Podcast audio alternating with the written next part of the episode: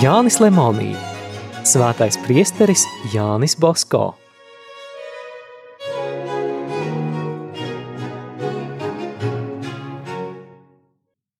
Oratorijas skolu vajāšanas no valdības puses vēl vairāk ap Jāni Bosko saliedēja viņa bijušos audzēkņus. Reiz viņš tiem pastāstīja, ka pirms dažiem gadiem kāds ievērojams cilvēks, uzvārdu viņš neteica, bija aizrakstījis uz Vatikānu, ka salezijāņi un viņu audzēkņi esot lieli tumsoņas. Patiesībā dokumenti liecināja, ka no 200 salezijāņiem, toreiz viņu bija tik daudz, 180 izturējuši augstāko zināšanu eksāmenus speciālās skolās un Turīnas universitātē. Atlikušajiem 20 bija pamatskolas skolotāja censis. 15. augustā, svinot oratorijas 66 gadu pastāvēšanas jubileju, priesteris Bosko saviem dēliem teica – Jūs man sakāt, ka priesteris Bosko padarīs daudz labu, derīgu darbu. Bet vai neredzat, ka mani mīlēdami jūs šiem darbiem piešķirat pārāk lielu vērību? Vai neredzat, ka visu to, ko esam veikuši, paveica pats Dievs, aizlūdzot svētajai jaunavai? Ja mums nebūtu Dievs palīdzējis un nebūtu mūs aiz rokas vadījis, ko tad mēs būtu spējuši veikt? Bet dāsno labdaru ziedojumus bieži vien negaidītu līdzstrādnieku palīdzību jūs nesat aizmirsuši. Tādēļ vispirms pateiksimies Dievam un labdariem. Kā paši redzat, priesteris Bosko bija lokans rīks Dieva rokās. Tagad vēlreiz varēsiet pārliecināties, ka Dievs, ja vien grib, arī ar visniecīgākajiem rīkiem padara vislielākos darbus. Vēlāk jums vēl pastāstīšu, ka šai gadā bija daudz līksmu, bet, diemžēl, vēl vairāk rūktu stundu. Bet ko gan vēlēties? Nav taču roža bez ērkšķiem. Kas tad mums, mīļie dēli, būtu jādara? Kā priekos tā bēdās vienmēr mierīgi jāpilda Dieva vissvētākā griba. Dievs mūs neatstās, kaut arī vētras mūs plosītu. Iesim droši, dosimies uz priekšu, Tikumu ceļā soļodami nebīsimies ciešanu. Strādāsim, glābsim dvēseles, cik vien to labi protam un varam, un Dievs būs ar mums.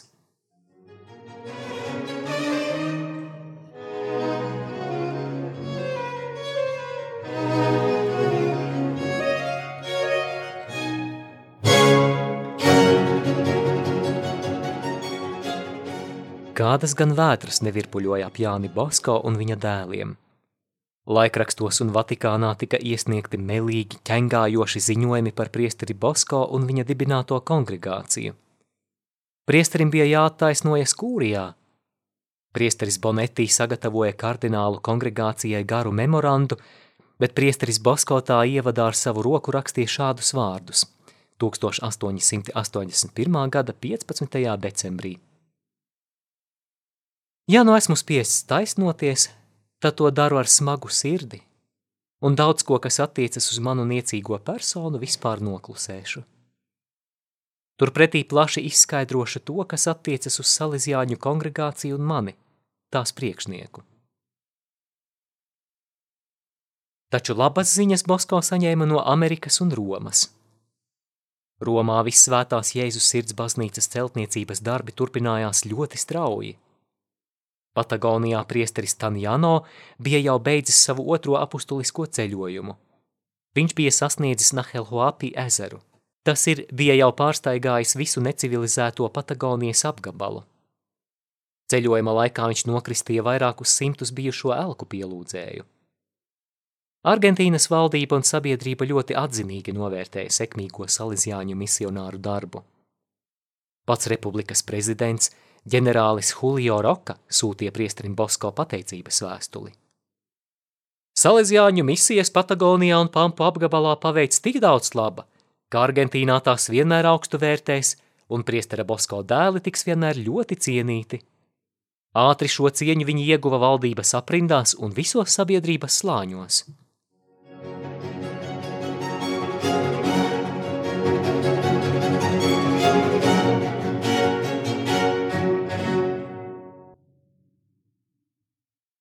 Piektās daļas trešā nodaļa – Svētā apustuļa Jāņa baznīca Turīnā, 1882. gads.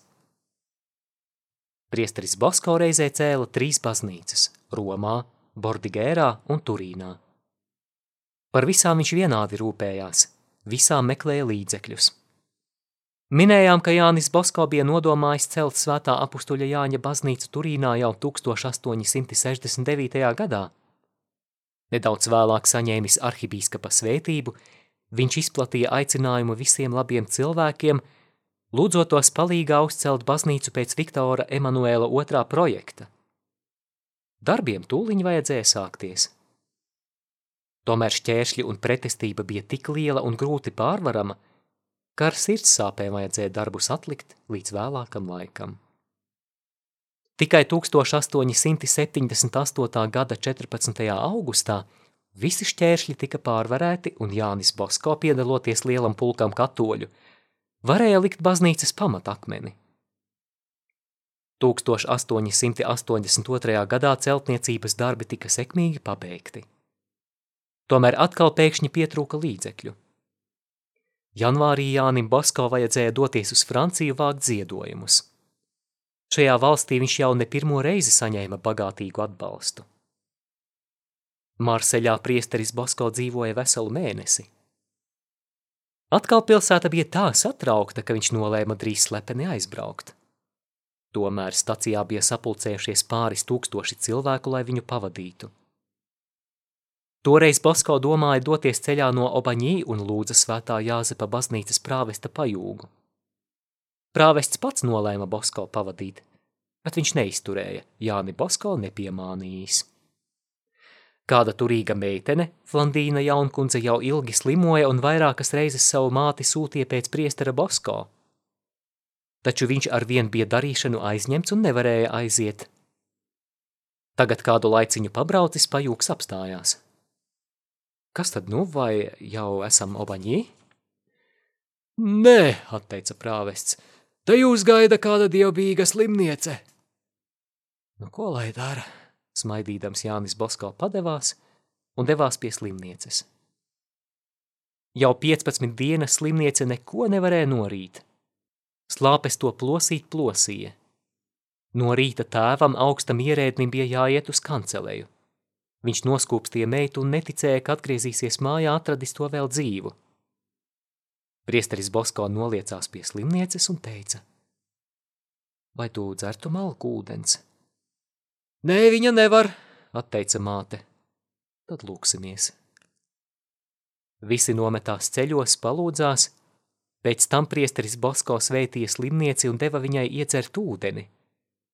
Slimniece padzērās, kļuva ļoti priecīga un iesaucās: Es esmu vesela! Bailes pārņēma priesteri Bosko. Viņš atgriezās pajūgā čukstēdams, pateicos tev Dievs un tev Marija kristīgo palīdzība.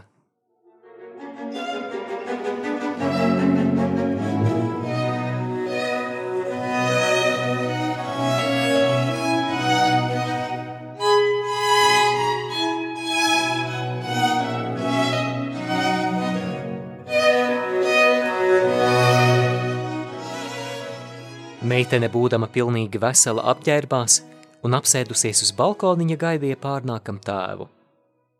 Kad viņa to redzēja noskumušu ejam pāri ielai, viņa noskrēja pa kāpnēm, lai to sagaidītu, apskāva viņu un sauca, Tētiņ, esmu vesela, esmu vesela! Priesteris Bosko man izdziedināja!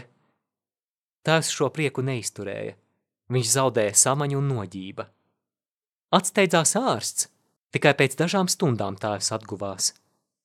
Meitene kaut arī noskumusi, bet vesela, tā kā skraidīja apkārt, raudāja un skūpstīja tēvu.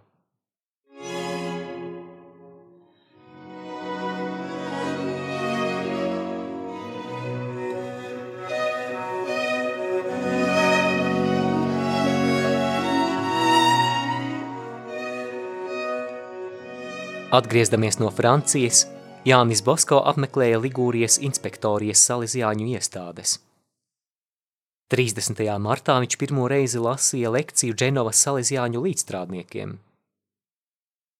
Nobeigumā stāsta priesteris Berto.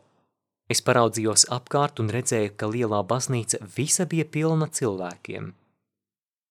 Kad priesteris Bosko nokāpa no kanceles, cilvēki drūzmējās ap viņu. citi viņam skūpstīja roku, cits kaut ko čukstēja ausī, cits nometās ceļos un lūdza svētību, cits viņam spieda rokās aploksni. Iegājis sakristējā, viņš vairs nevarēja no tās iziet. Pie durvīm stāvēja divas garas rindas cilvēku, katrs ar kādu vajadzību. Tā bija jāizkavējas trīs stundas, kamēr visi tika pieņemti. 3. aprīlī viņš sacīja mācību Kamoljo. Arī te cilvēki tāpat kā Dženovā nedeva viņam mieru. No turienes viņš devās uz Romu. Pa ceļam viņš apstājās Spēcijā, Lukā un Florencē. Romā viņu nepacietīgi gaidīja visvētās Jēzus sirds baznīcas celtniecības darbu vadītājs, jo viņam vairs nebija naudas, lai samaksātu strādniekiem algu. 25. aprīlī Jāni Bosko pieņēma pāvests.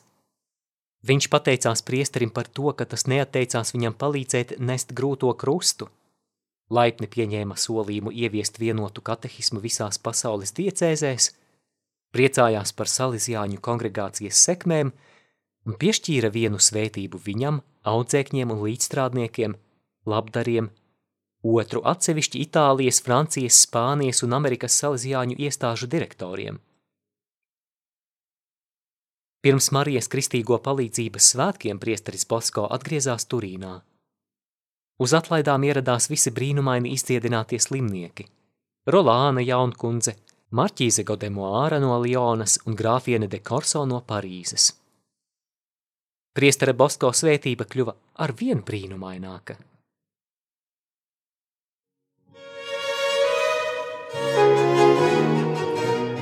Izskanēja lasījums no Jāņa Lemonī grāmatas Svētais priesteris Jānis Bosko.